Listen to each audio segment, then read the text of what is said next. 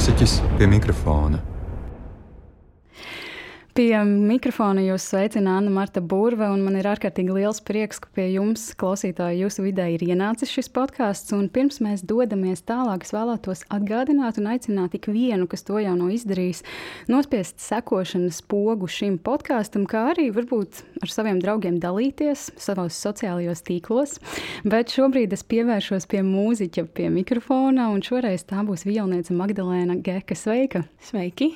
Magdalēna, tu esi nobāzējusi atgriezies Francijā, bet tu ļoti daudz atgriezies arī Latvijā un ļoti daudz arī koncertē. Es arī domāju par to, ka šajā tādā ierobežojošajā Covid laikā, skatoties arī sociālajos tīklos, tev ir bijusi iespēja tiešām turpināt ar lielu atvēzienu koncertēt. Vai tā varētu teikt? Jā, patiesībā šis 2021. gads, es domāju, ka man varētu jau būt tāds rekordgads gan braucienu uz Latviju skaita ziņā, gan, gan arī koncertu skaita ziņā. Ir vēl koncerti, kuriem vajadzēja notikt, kas vēl joprojām nav notikuši, kas tiek pārcelti pagaidām uz gada beigām. Varbūt pat nāksies tos 22. gadu pārcelt. Bet jā, tas man ir neskatoties to, ka es dzīvoju Parīzē, un, un man lielākā daļa profesionālās dzīves tomēr notiek tur. Man tas vienmēr bija ļoti svarīgi gan spēlēt Latvijā, gan spēlēt latviešu mūziku, jo, jo nu, katram jau tautība ir viena vai, vai divas, bet nu, man ir viena. Un līdz ar to tādā veidā man, man sajūta ir arī, ka es varu darīt kaut ko nu, tādu, ja nevērtīgu, bet vismaz, vismaz man nozīmīgu.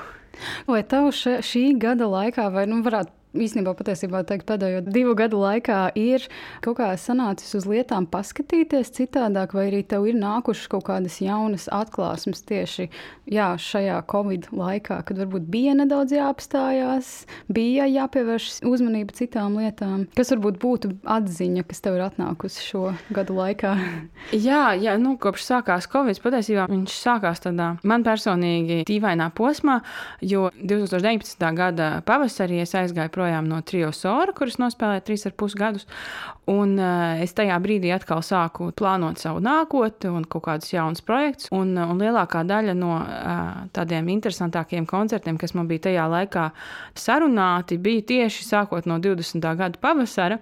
Tieši es atceros, skatījos tik laimīgi uz savu kalendāru, mārciņu, aprīlis, mājas, tik skaisti koncerti. Tad pienāca mārciņas, pēkšņi viss beidzās. Un, um, Jāsaka, ka arī brīdī, kad es aizgāju prom no trio, neskatoties to, ka man pēkšņi bija daudz mazāk koncertu un vairāk laika, es nepaņēmu laiku, lai, lai atpūstos, lai pavadītu laiku pati ar sevi, lai, lai varbūt savā ziņā pārdomātu, kas man dzīvē ir svarīgs. Tad Covid man savā ziņā to piespieda izdarīt, un par to vien es esmu ļoti pateicīga, ka es varēju nedaudz atpūsties, nedaudz piebremzēt un, un padomāt par tādām patiesākām vērtībām.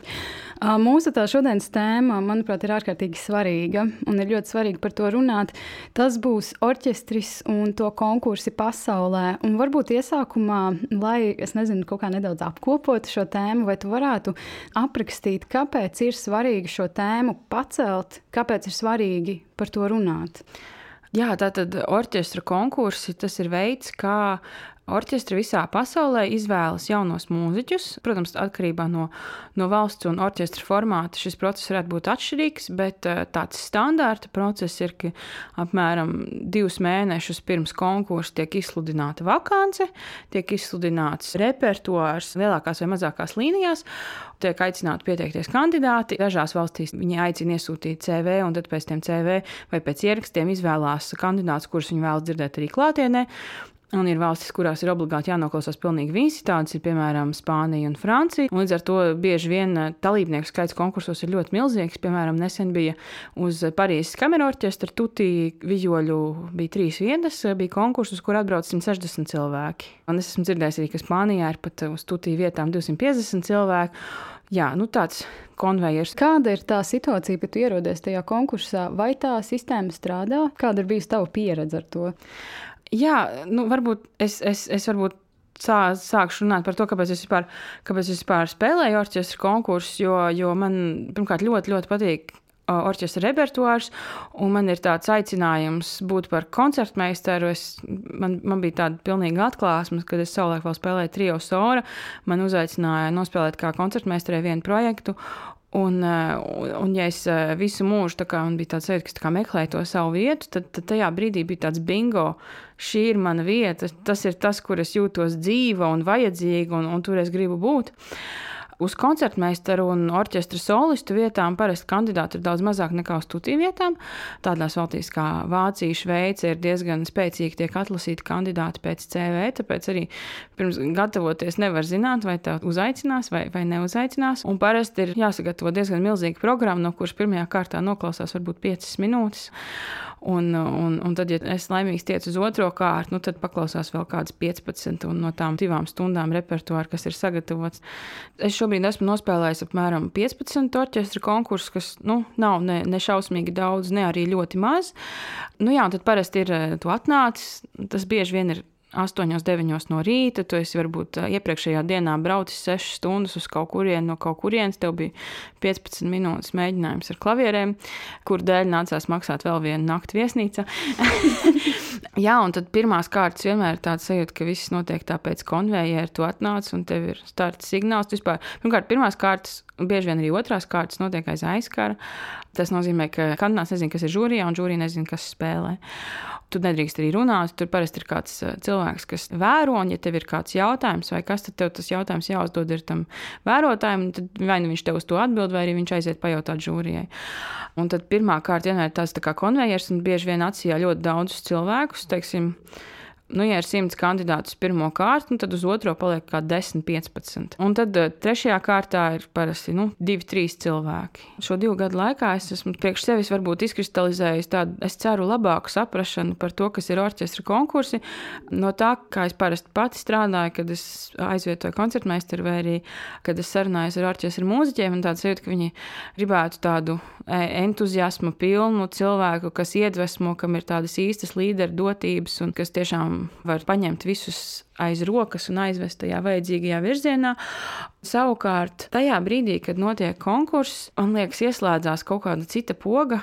Tajā prasību ziņā, un bieži vien priekšroku dot kandidātiem, kuri varbūt būs mazāk spontāni, bet kuri būs tādi ļoti stabili, kuri nevienā brīdī neaizskries uz priekšu, kuriem tāds sajūta ir tāds, tāds iesakņojies ar lieliem, platiem pleciem. Manuprāt, tas veids, kā šobrīd, vismaz pasaulē, tas standarta veids, kādā notiek orķestra konkursi, es ļoti šaubos, ja godīgi, vai tas ir tas veids, kādā tiek atrasti entuziasma pilnākie un jutīgākie mūziķi. Manuprāt, šis process ir, ir domāts tādiem cilvēkiem, kuriem ir dzelzs nervi, kurus nekas neizsitīs no sliedēm, vai tas ir labākais, kas orķestram ir vajadzīgs. Es neesmu par to pārliecināta. Protams, ja šeit sēdētu kāds orķestra direktors vai cilvēks ar 40 gadu pieredzi vai diriģents, viņš droši vien varētu daudz labāk atbildēt uz šo jautājumu.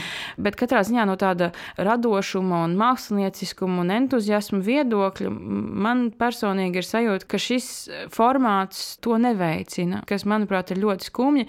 Bieži vien arī, lai nojauktu dažādus tabū, mūziķi eh, dzer, piemēram, beta blokatorus vai arī kādas nervu nomierinošas zāles. Ir arī kas dzer alkoholu alkoholu, lai vienkārši tiktu tam šausmīgajam brīdim pāri, kas ir tās uh, trīs pirmās kārtas minūtes.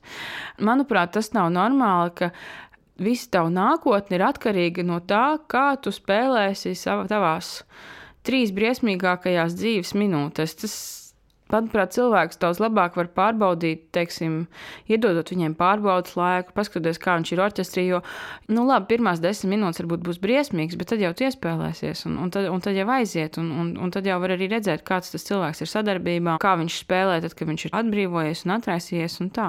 Bet sanāk arī tas konkursu uzstādījums absolūti nesakrīt ar to realitāti, kādi cilvēki ir iekšā orķestra, kuri jau tur stabili spēlē, vai ne?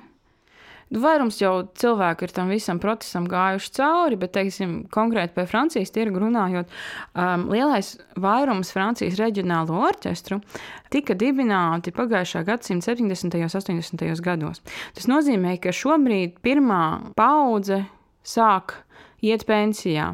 Tas nozīmē, ka toreiz nebija simts cilvēku uz vienu vietu. Toreiz bija varbūt desmit. Nu, principā, ja tu pabeidz konservatoriju, viņi pabeidz daudz maz labi, visticamāk, tev arī paņēma orķestrī. Un, un, un šobrīd tās vietas ir maz, un tās vietas ir ļoti dārgas. Ar to visu cieņu, kas man ir pret 40 gadu pieredzi, manuprāt, jauno mūziķu, gan tehniskais, gan, gan arī muzikālais līmenis un, un viss pārējais, es domāju, ka viņš ir daudz augstāks nekā viņš bija toreiz, kad šī orķestra vispār sāka pastāvēt. Vai tu teiktu, ka tos jaunos mūziķus gan tajā pašā Francijā, gan arī citur, kur tev ir bijusi pieredze, neatbalsta pietiekami tā, kā varbūt vajadzētu? Šeit noteikti ir jārunā par specifiku, kas ir pret eh, stīgu instrumentu apmācību. Jo, ja teiksim, pūtējiem viņiem tādas karjeras iespējas principā nav ļoti daudz ceļu, ko pūtēji var iet. Visbiežāk tas ir orķestris vai pedagoģija, un, un vairums dara abus tad eh, stīgu instrumentiem tās iespējas ir tik ļoti daudz, ka es, es no savas pieredzes varu teikt, ar to visu, ka es mācījos Parīzes Nacionālajā konservatorijā pie Svetlina Ruseva, kas ir eh, izcils koncertmeistars, ļoti, ļoti pieredzējis. Principā konservatorijā vienkārši mācās spēlēt violi.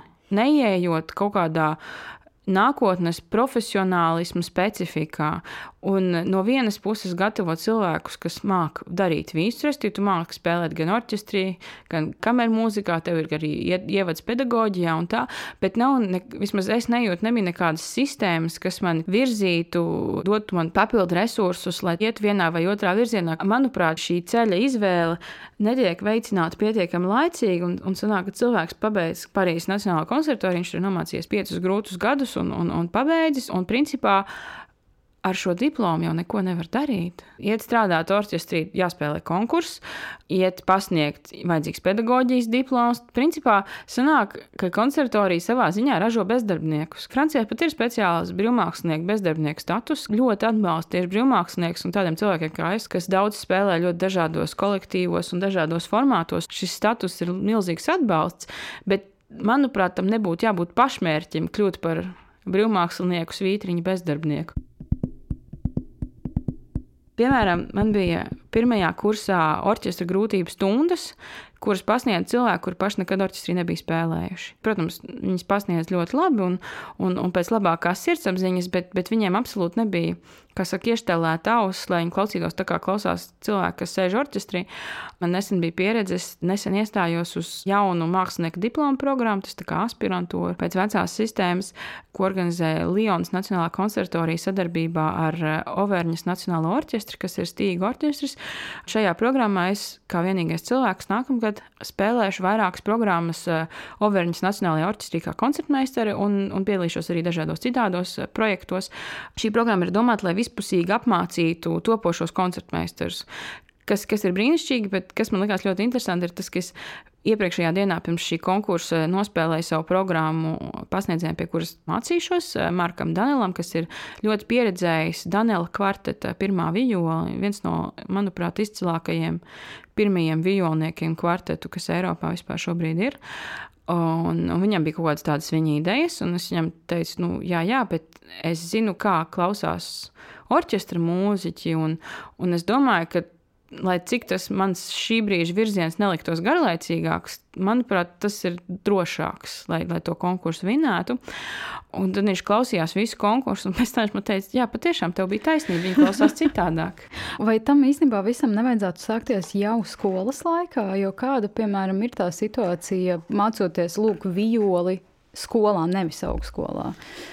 Jā, tā kā es nu jā, lielāko dzīves daļu esmu pavadījusi Latvijā un Francijā. Patiesībā jāsaka, ka tā attieksme ir diezgan līdzīga, un, un tas ir kaut kāds tāds, es nezinu, Latvijā tās noteikti pilnīgi ir konkrēti padomju laika paliekas attieksmes ziņā, un, un Francijā ir, nu, Viņi jau kultūrāli vienmēr ar, ar Krieviju ir bijuši diezgan tuvi. Beidzot, šī attieksme mainās, bet toreiz, kad es vēl biju pusaudzis, visiem vajadzēja obligāti gribēt kļūt par solistiem, un kad tikai atbrīvoties no orķestra, un kad tikai nebūtu jāspēlē orķestrī, un kad tikai varētu sēdēt viens pats un spēlēt savu violu. Tas ir, manuprāt, ļoti, ļoti nepareizi. Pirmkārt, ja skatās statistiski uz pasaules labākajiem orķestriem, pasaules labākie orķestri atrodas pārsvarā Vācijā, ASV, Anglijā ir ļoti labi orķestri, un tās visas ir valstis, kurās valsts nenodrošina bezmaksas visiem pieejamu klasiskās mūzikas izglītību. Tas ir valstis, kurās pieejams ir orķestris, teiksim, bērni. Viņi, kad viņi mācās instrumentu, viņi mācās viņu spēlēt pa taisno orķestrī kopā ar citiem bērniem. Un tad eh, ar laiku ir arī papildus individuālās stundas, lai padziļinātu. Un tad, ja tiešām bērns domā kļūt par profesionāli, tad arī, nu, protams, jāatrod arī privāts kaut kā tā. Bet viss sākas ar spēlēšanu kopā ar citiem, spēlēšanu kopā ar draugiem, kas, manuprāt, ir vispozitīvākā pieredze, ko vispār mūziķis var, var iegūt, ir spēlēt kopā ar jaukiem, foršiem cilvēkiem, mūziku, kas man patīk. Un, un savukārt, gan šeit, gan, gan, gan Francijā es izjūtu tādu elitāristisku attieksmi, ka galvenais ir jābūt personībai, jābūt individualitātei un, un kāds orķestris un, un tikai jākļūst par solistu. Un, Un sanāk, ka tas orķestris profesionālais, viņš beigās sastāv no cilvēkiem, kuri visi sev uzskata par izgāzušamies solistiem. Tajā pašā laikā viņiem to visu, visu lielisku orķestra pusi, nu, vai nu viņiem uzspiež tā, ka viņi to dara ar gariem zobiem, vai viņi to vispār sev neatklāja, cik brīnišķīgi ir spēlēt piemēram, Mālera simfonija vai, mm. vai Čaikovski. Un tā, un, un līdz ar to ir tāda savā ziņā aizspriedumaina attieksme joprojām īpaši stīgu instrumentu vidū. Ja tu jaunībā jau izlēmi ļoti agri, ka tev ļoti patīk spēlēt orķestrī un ka tu vēlēsies kļūt par orķestra mūziķi, to savā ziņā uztver par kaut kādu ambīciju atmešanu. Kas nav normāli. Ja, ja ir 150 cilvēku uz vienu vietu, kāda ambīcija atmešana, tas taču ir milzīgs konkurss. Jā, jā.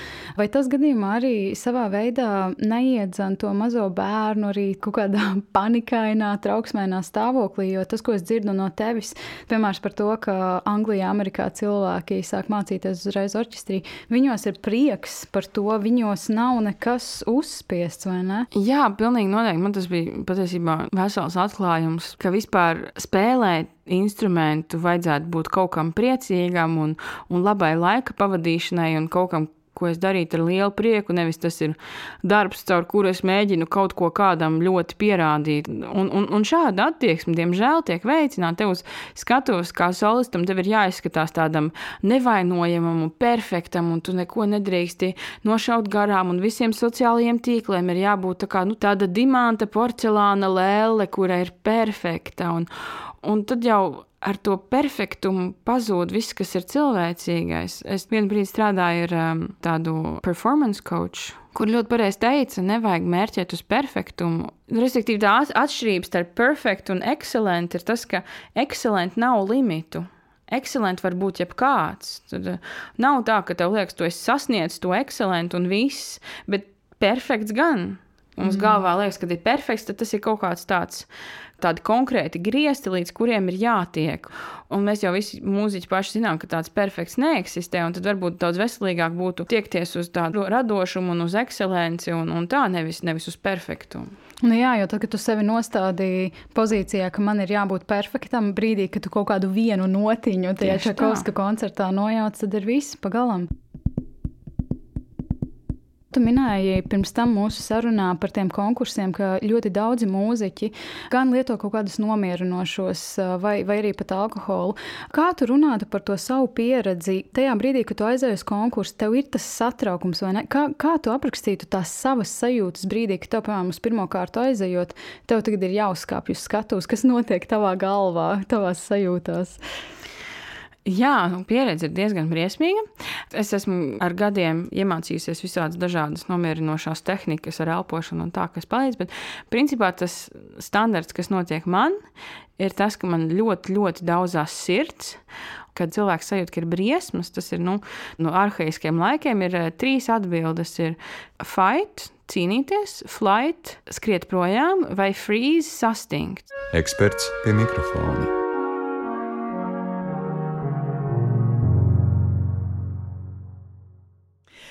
Tad, kad mums ir signāls vidē, tas var būt režisors. Tas var būt, ka diriģents paskatījās uz mani un pacēla savu zīli, un tūlīt man būs jāsāk spēlēt. Viss ir orientēts uz to, lai mēs izdzīvotu. Un tā tad smadzenes teikt, visu laiku pieskata vidi, Visu laiku pārbauda, kur ir kādi nozīmīgi signāli. Bērnībā mēs īpaši tos signālus neatšķiram. Mēs nezinām, kur ir draudzīgie signāli un kur ir nedraudzīgie. Tāpēc, piemēram, bērni pa lielam zīdaiņam nebaidās no pērkona un no zibens. Viņi nezina, ka tas ir kaut kas šausmīgs. Viņi vienkārši dzīvo, bet dzīves gaitā mēs uzkrājam pieredzi un mēs iemācāmies, ka ir lietas, kuras ir bīstamas. Uz tām mēs reaģējam ļoti ātri. Tad ir lietas, kuras mums jau tā kā bioloģiski ir ieprogrammētas, ka tās mēs izjūtam kā tādas, uz ko jārēģē. Un pārsvarā tas ir augstums, tumsa, kaut kādi dīvaini trokšņi, tās pašas čūskas un zirnekļi, dīvainas ēdienas, ja kaut kas, kas ir kā, nu, cilvēkam varētu instinktīvi tādas bailes radīt. Un tad, jā, protams, tā paša pieredze, ko es uzskatu vidē par bīstamu un ko nē. Piemēram, mēs ejam vakarā un pēkšņi mums aiz muguras kāds iekrekšķās. Šis ir signāls, un mūsu smadzenes ārprātīgi ātri mēģina norientēties, kādai ir jābūt nākamajai reakcijai. Un te nu tā reakcija tad ir fight, flight, freeze, cīnies, beidz vai sastingsti. Tātad vai nu smadzenes ārkārtīgi ātri pieņem lēmumu cīnīties, tātad es metos virsū, rauju kurpinos un bliežu tam, kas man tur noklapojās. Ja? Vai es rauju kurpes nost un laižos lapās, cik ātri vien es varu un uzstādu pasaules rekordu, vai arī es paslēpjos momentā aiz koku un izliekos, ka manis te nav, es sastingstu. Tātad šīs reakcijas mums palīdz izdzīvot. Ja? Jo, ja, piemēram, es eju tagad tajā tumšajā naktī un kāds man klepo un es ignorēju šo signālu, man kāds var saķert un nodarīt man pāri. Pārsvarā šīs ir ļoti automātiskas reakcijas, kuras mēs neapzināmies. Nu, ja mēs ejam terapijā vai ilgāku laiku pētām sevi, tad mēs labāk sākam saprast, kad, kad mēs cīnāmies, kad mēs bēgam, un mēs varam labāk arī mainīt šīs reakcijas. Bet te tad es gribu teikt vēl ko, ka cīņa tas nenozīmē tikai sist kādam ar dūri vai ar kurpi. Cīņa tas nozīmē arī proaktīvā veidā iet virsū tam stimulam pārvarēt. Piemēram, man tūlīt ir jāiet uzstāties, un mana, mana doma ir, es gribu sastingt, vai es gribu aizbēgt. Tad loģiski es pārvaru sevi un es eju cīnīties. Mūziķis pie mikrofona. Manā konkrētajā gadījumā es parasti sastingstu. Un, jā, ļoti daudzās sirds, un tāda sajūta, ka rokas nevar kontrolēt.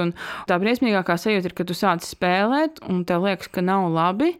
Ar to visu, ka tu to esi mācījies, un atstrādājis un, un atspēlējis. Tu nevari nekādīgi savākties un izdarīt tā, lai paliek labāk. Man, protams, ir daudz vēl citas stresa situācijas bijušas dzīvē, ne tikai orķestras konkursu sakarā, un parasti, kad man tādi lielie stresi bijuši, man paiet 3-4 minūtes, kamēr es varu savākties. Tāpēc ir skaņdarbi, ko es tā ļoti apzināti mācījos visu sākumu, lai es varu pirmās 3-4 minūtes nospēlēt tādā gandrīz vai autopilotā, ka es zinu, ka, nu, pat ja man aizies ciet, viss būs daudz maz ok, un tad es pēc kaut kādām 3-4 minūtēm atveros, un tad es varu arī beidzot sākt klausītājiem stāstīt to savu stāstu. Jā. Un, un tā, bet orķestra konkursā pēc 3-4 minūtēm viņš jau ir beidzies. Kā tu ar to tiec galā? Kādas ir tās tavas metodas, ar ko tu būtu gatava padalīties ar uh, citiem?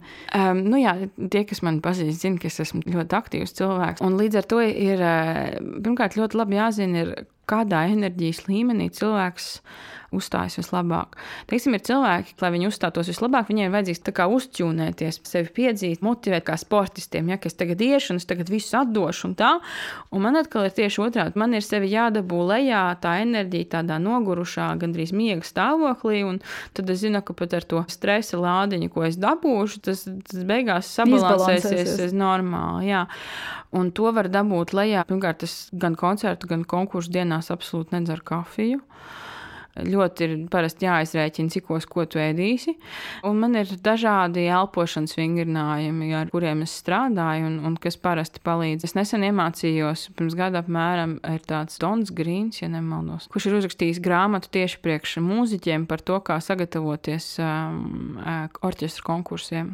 Oh. Jā, jā.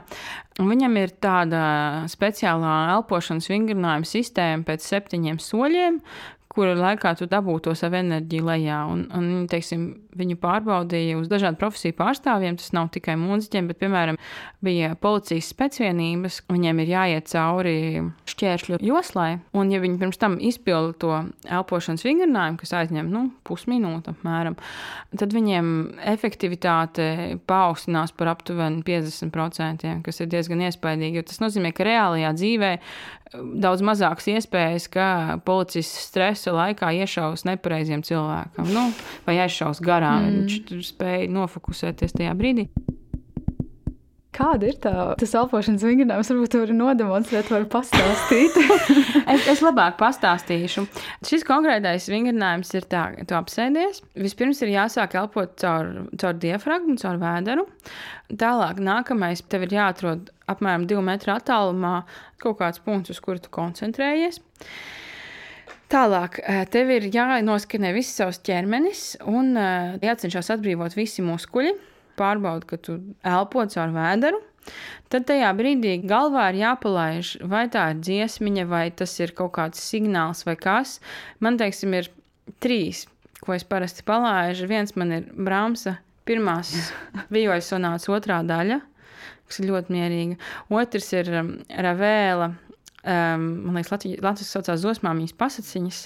Pēdējā daļa, uh, Jardin Fērik, es nezinu, kā viņa latviešu to ko. Uh, svētku dārzs. No, tā varētu būt. Jā. Kas arī ļoti, ļoti mierīga mūzika. Un trešais man ir tāds abreviatūra no no, no pieciem burtiem, un katrs tas burts nozīmē kaut ko vienu, kā es gribētu, lai es tagad varētu uzstāties. Tas ir tas sastais solis, un pēdējais solis ir, ka tu tā spēcīgi, spēcīgi izelpo un no sava ķermeņa visu to lieko enerģiju izpūt ārā. Tu teici, ka tev ir bijuši 15 uh, konkursi līdz šim orķestram. Apmēram, apmēram nu, neskaitot arī visus citus. Vai tu varētu aprakstīt to kaut kāda uztraukuma progresu, kāds tev ir bijis, vai tu jūti, ka pēc šīm 15 reizēm ar katru reizi palika labāk? Nē. Nē. Tas ir pats briesmīgākais. Kad es uh, sāku spēlēt orķestra konkursus un nesapratu, kas ar mani notiek, kāpēc es esmu spējīga spēlēt um, BBC dzīvajā un vēl visādās citādās stresa pilnās situācijās, kāpēc es esmu spējīga to visu darīt. Un, un man ir iestājis pilnīgi panika, kad man ir jāspēlē Mocarta vioļu koncerts aiz aizslietņa. Un man teica, nu, bet tu tikai tikko sāki, ar laiku jau paliks labāk. Nē. Tas, kā es mēģinu pati sev šo pieredzi padarīt vērtīgāku un pozitīvāku, tā lai pat ja vienā jaukā dienā es izdomāju, ka man ir apnicis spēlēt konkursus un, un es labāk savā dzīvē darīšu kaut ko citu, lai man vismaz tas beigu atlikums paliek pozitīvs. Man ir tāds uh, konkursu treneris speciāls, kas ir uh, orķestra mūziķis. Viņam ir daudz auziņu, kas ir vinējuši dažādas konkursus, un viņš arī ir bijis daudzās žūrijās, un viņš zina, ko konkrēti sagaida. Viņš ir arī tiešām daudz strādājis ar jauniem mūziķiem, kas mēģina dabūt vietas orķestrī. Tas nav tā, ka tu aizej dažreiz nospēlēt vienkārši koncertmeistaram savu programmu, viņš tev kaut ko pasaka un viss. Viņš tiešām ar tevi strādā stundām ilgi, kamēr tu sagatavojies. Šis cilvēks ir vienīgais, kurus esmu atradusi, kurš kaut ko tādu vispār dara. Un numur divi es esmu sākusi iet pie mentālā trenera, jo es eh, jau gadiem ilgi eh, eju pie dažādiem psihologiem un sofrologiem, kā, lai uzlabotu savas dzīves kvalitāti. Un, un tagad es nesen sāku iet arī pie mentālā trenera, kurš arī vienlaikus taisa eh, terapiju un parasto psiholoģiju. Viņš piedāvā tādus līdzekļus, kā to visu padarīt labāk. Un, teiksim, viņa piedāvātais līdzeklis ir hipnoze. Jāsaka, es vēl šai hipnozei neesmu ļoti, ļoti pieslēgusies bet tas ir arī viens no veidiem, kā sevi nohipnotizēt, ka kā, nu, viss būs kārtībā un tā.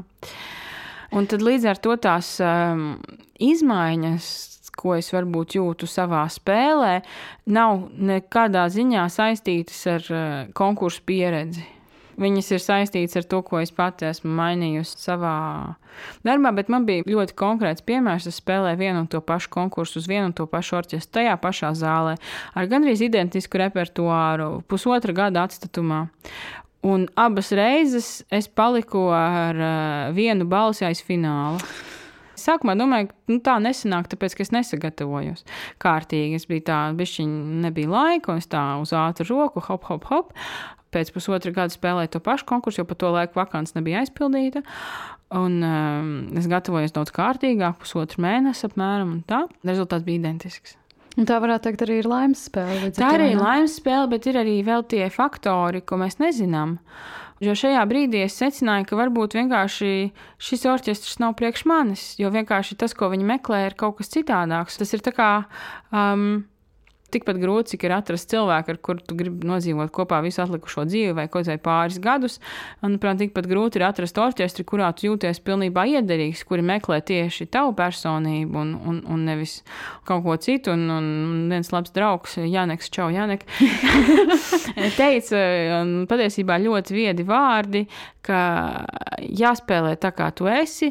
Un, ja tu viņiem nepatīc, tad tas vienkārši nav īstais orķestris. Es saku, ja tu nepatīc cilvēkam tāds, kā tu esi, nu, tad nav jēgas. Tas vienkārši nav tavs cilvēks, un tad šajā gadījumā tas nav tavs orķestris. Neizslēdzot to, ka tomēr ir jāstrādā, lai atbilstu kaut kādiem vispārējiem standartiem, jāspēlē augstā līmenī un kvalitatīvi, bet es tieši runāju par to personības lietu. Bet tas ir patiesībā brīnišķīgi, jo beig beigās, ja tu turpināsi spēlēt tā, kā nu, tu spēlē, tad arī tas pareizais orķestris atradīs tevi, un arī pareizais orķestris paņems tevi, cerams. Es tā ceru, jā. Bet, Klau Magdalēna, kā ir tajos brīžos, kad tu esi bijusi uz šiem ārkārtīgi daudziem konkursiem, un tu lūk, paliec ar vienu punktu aiz strīpas? Kādas pēc tam ir sajūtas par to? Neiekrīt kaut kādā tiešām melnajā caurumā. Jā, pilnīgi noteikti. Man parasti divas dienas ir nu, nepārāk jauki.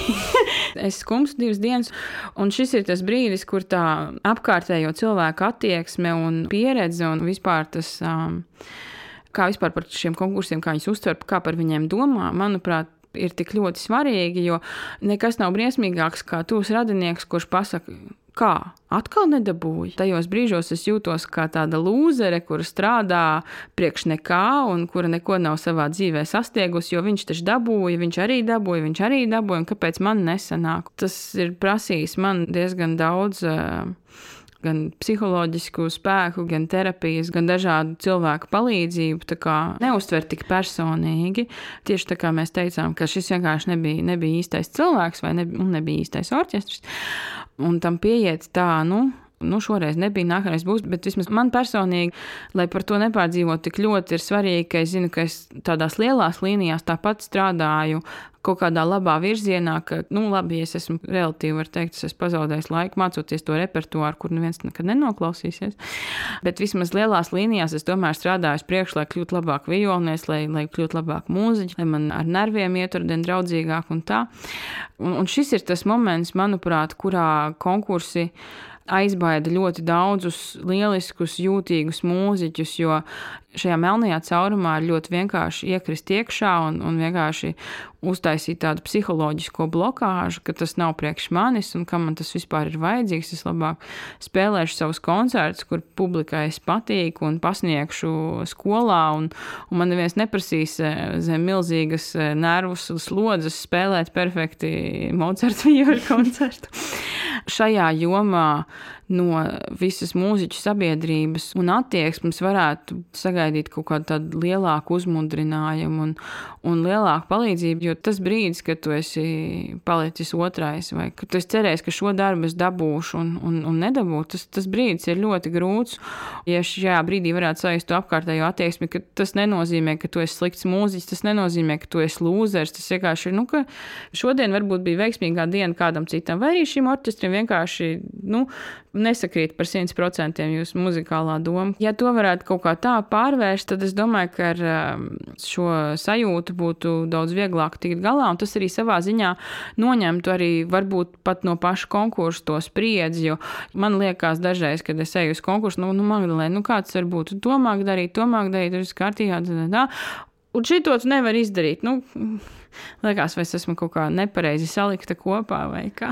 Galīgi nē. Es īstenībā šitais man ļoti sasaistījās ar to, par ko ļoti daudz ir runājuši, ka bieži vien arī skolās pierādās tas, ka ir ārkārtīgi gudrs bērns. Dažādos veidos gan lieliska atmiņa, gan arī ļoti laba domāšana, ļoti kognitīvi, loģiski lielisks bērns.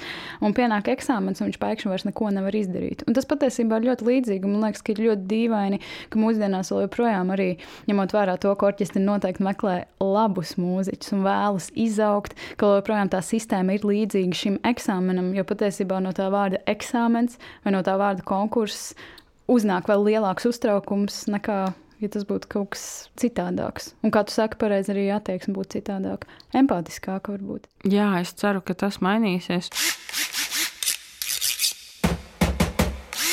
Mūziķis pie mikrofona atpūšas. Kas ir tas, ko tu dari, lai atpūstos no visiem šiem konkursu stresiem? ko tu dari savā brīvajā laikā, ja tev tāds ir? Jā, brīvais laiks tā ir izvēle. Brīvais laiks pats no sevis nerodās. Pirmkārt, es cenšos pavadīt laiku kopā ar manu dzīvesbiedru, kas jau nav vienkārši satikties ar draugiem, gan Latvijā, gan ārzemēs. Pašai priekš sevis brīvajā laikā, jāsaka, pirmkārt, ļoti triviāli. Man patīk skatīties seriālus Netflix. Jā, kaut kā es agrāk ļoti, ļoti daudz lasīju, kad es biju pusaudze un arī pirms gadiem, pieciem, sešiem. Un vienā brīdī man vienkārši apnika lasīt svešvalodā, un kaut kā man jau kaut kādus vairākus gadus ar grāmatu lasīšanu iet pavisam grūti. Bet es turpinu pirkt grāmatas un ceru, ka man, mana mīlestība pret grāmatām atgriezīsies pavisam drīz. Bet man ļoti patīk klausīties dažādas podkāstus, teiksim, Armchair Expert, kas ir uh, intervijas ar dažādām Holivudas zvaigznēm. Tad ir uh, feministu podkāstu franču valodā. Vēl man ļoti patīk staigāt, un tad, kad sporta zāles ir vaļā, tad man patīk iet uz sporta zāli un griezt eliptisko trenižieri. kas tas tāds? tas ir kā pa vidu starp riteni un iešanu. Tas... Un tas iekustina pilnīgi visus. Nu, visu, jā, man jā. tā liekas. Viņš nu, tā kā slēpēm līdzīgs. Ei, tas man patīk. Jā. Tagad jau sporta zāles bija ciets. Mm. Un tagad man atkal sevi jāpaņem aiz rokas un jāizved atpakaļ uz to sporta zāli un jāatcerās, cik ļoti man patika. Jo var jau uzlikt seriālu un griezt to treniņu, skat, un skatīt, tad vispār divi vienā atpūšās. Gan galva atpūšās, ar Netflix paskatās, un arī, un arī jā, atpūšās ķermenis. Klau, tu teiktu, ka tev tā mm, sajūta, mm, vai drīzāk vēlme sportot ir dabiska, vai arī tev tomēr jāpiespiežās to darīt? Es esmu no tiem, kam jau vairāk es kustos, jo vairāk man gribas kustēties. Oh. Tā kā visgrūtākais ir aiziet pirmo reizi, un tad jau es ieeju kaut kādā azartā. Bet kas ir sarežģīti, ir um, visu saplānot tā, lai neskatoties uz koncertiem, mēģinājumiem, braukšanām, tam tomēr regulāri atrastos laiks. Bet, um, Es, ja godīgi, pēc cik es Latvijā jau nedzīvoju 12 gadus, es nezinu, kāda attieksme pret uh, ķermeni ir šobrīd, bet uh, daudzās Citās valstīs īpaši, man liekas, pozitīvs piemērs ir Somija. Tieši tā kustības un, un, un tas, kā mūziķis attiecās pret savu ķermeni, tas ir tik svarīgi. Jo, jo tāpat kā zinātājiem, ķermenis tas ir mans instruments, un ķermenis man ir jātur labā kārtībā, bet eh, neviens par to nerunā. Daudzi tāpat forsē un, un spēlē kaut vai sāp, kaut vai, lai, lai vai kas nenotiktu, ir obligāti jāturpina spēlēt. Bieži vien ar gadiem izveidojas nepareiza stāja, kas netiek labot un tā. Un Tāpēc, jā, es mēģinu sev visu laiku atgādināt, ka man vēl, principā, ir jāspēlē vēl nu, 35, 40 gadus. Jā, nesen sāku iet uz masāžām.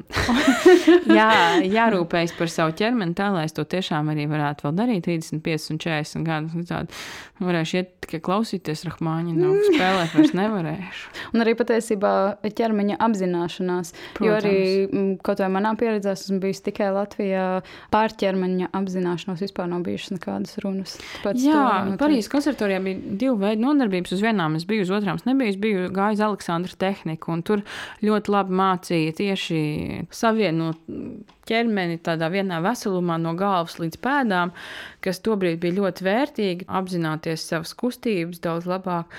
Lai nu jā, prāts būtu vienā veselumā ar ķermeni. Un, um, Jā, ir arvien vairāk dažādas kustību terapijas, un, un, un ja Latvijā tādas nav, tas gan, tas gan ir skumji. Jo, jo es atceros dārziņos pat bija tāda nostāja, ka mūziķiem sports nav vajadzīgs, vēl sasitīs rokas un tā, bet manuprāt, tieši otrādi varbūt vienkārši vajag izvairīties no kaut kādām tādām smagām bumbu spēlēm vai, vai pielāgot kaut kādas maigākas bumbas, bet var jau arī taisīt jogu, pilates, nu, mm. nu kaut ko, kas tiešām ķermeni pielāgot mūziķiem patiesībā, jā, jā. Jo, jo tieši otrādi tam būtu jābūt pilnīgi normāli, ka mūziķis iet uz sporto, ka mūziķis iet uh, uz masāžām un, un uz baseinu un rūpējas par savu ķermeni, jo citādi jau tas ilgtermiņā nav iespējams. Mm, mm. Magdalēna, noslēgumā, vai tev būtu kāds vēlējums? Es domāju, it īpaši jaunajiem mūziķiem, kas gatavojas arī varbūt kaut kur uz ārzemēm braukt. Es domāju, ka ļoti daudzi arī ir ļoti priecīgi, ka tu dalījies savā stāstā, jo dzirdot, ka tik brīnišķīgi violnēts, kas tik daudz koncertē, arī iet cauri šādiem uztraukumiem, kas ir pilnīgi normāli, dabiski un cilvēcīgi. Bet ko tu novēlētu turpmāk arī pārējiem cilvēkiem? Kā varbūt runāt ar sevi vai ko sev pateikt, lai nav tik traki gan eksāmenos, gan tādos konkursos? Nu, pirmkārt, jaunākajiem mūziķiem, ja varbūt ir kādi, kas vēl mācās pamatskolā vai vidusskolā, es gribu novēlēt, spēlēt daudz kopā ar draugiem. Jo tas ir visforšākais. Spēlēt kameru mūziku, spēlēt orķestrī, un, un manuprāt, tas ir arī tas, kā var iemācīties visvairāk, nevis sēžot vienam pašam klasītē un drillējot gāmas un virtuozos skaņdarbus, bet, bet tieši spēlējot kopā ar citiem, apmainoties ar idejām un informāciju. Un savukārt mūziķiem, kas ir līdzīgā situācijā kā es, kas gatavojas konkursiem un nevar saprast, kāpēc šoreiz atkal nesanāk, es novēlu to pārvērst sev par pozitīvu pieredzi, sevi nešaustīt un, un tiešām tam pieiet tā, ka tas nebija man īstais orķestris nākamreiz vai aiznākamreiz, bet mans mūziķa vērtība, pašvērtējums un vispār tam, tam nav nekāda sakara ar to, vai es esmu vinējis savu pirmo 50. vai nevienu konkursu. Tas, manuprāt, nav saistīts. Jāsaka, es ļoti ceru, ka orķestra konkursu formāts ar laiku mainīsies. Un tāpat kā sportisti sāk runāt par, beidzot par, par mentālās veselības problēmām, arī, arī mūziķi sāk par to runāt. Tad varbūt šajā mentālās veselības kontekstā varētu arī to konkursu procesu padarīt cilvēcīgāku. Es, es ļoti ceru, ka tas ar laiku mainīsies. Un visiem pārējiem lūdzu atbalstiet mūsu mūziķus, kas cenšas gatavoties ar, ar uzmundrinošiem vārdiem, vai ar, vai ar apskāvienu, vai ar jebko, kas vienkārši palīdz relativizēt un justies labāk. Brīnišķīgi, paldies, tev, Magdalēna, liels. Un es domāju, ar to arī mēs atvadīsimies. Paldies! Jā, un tad visu labu un uz drīzas sadzirdēšanos. Mūziķis pie mikrofona.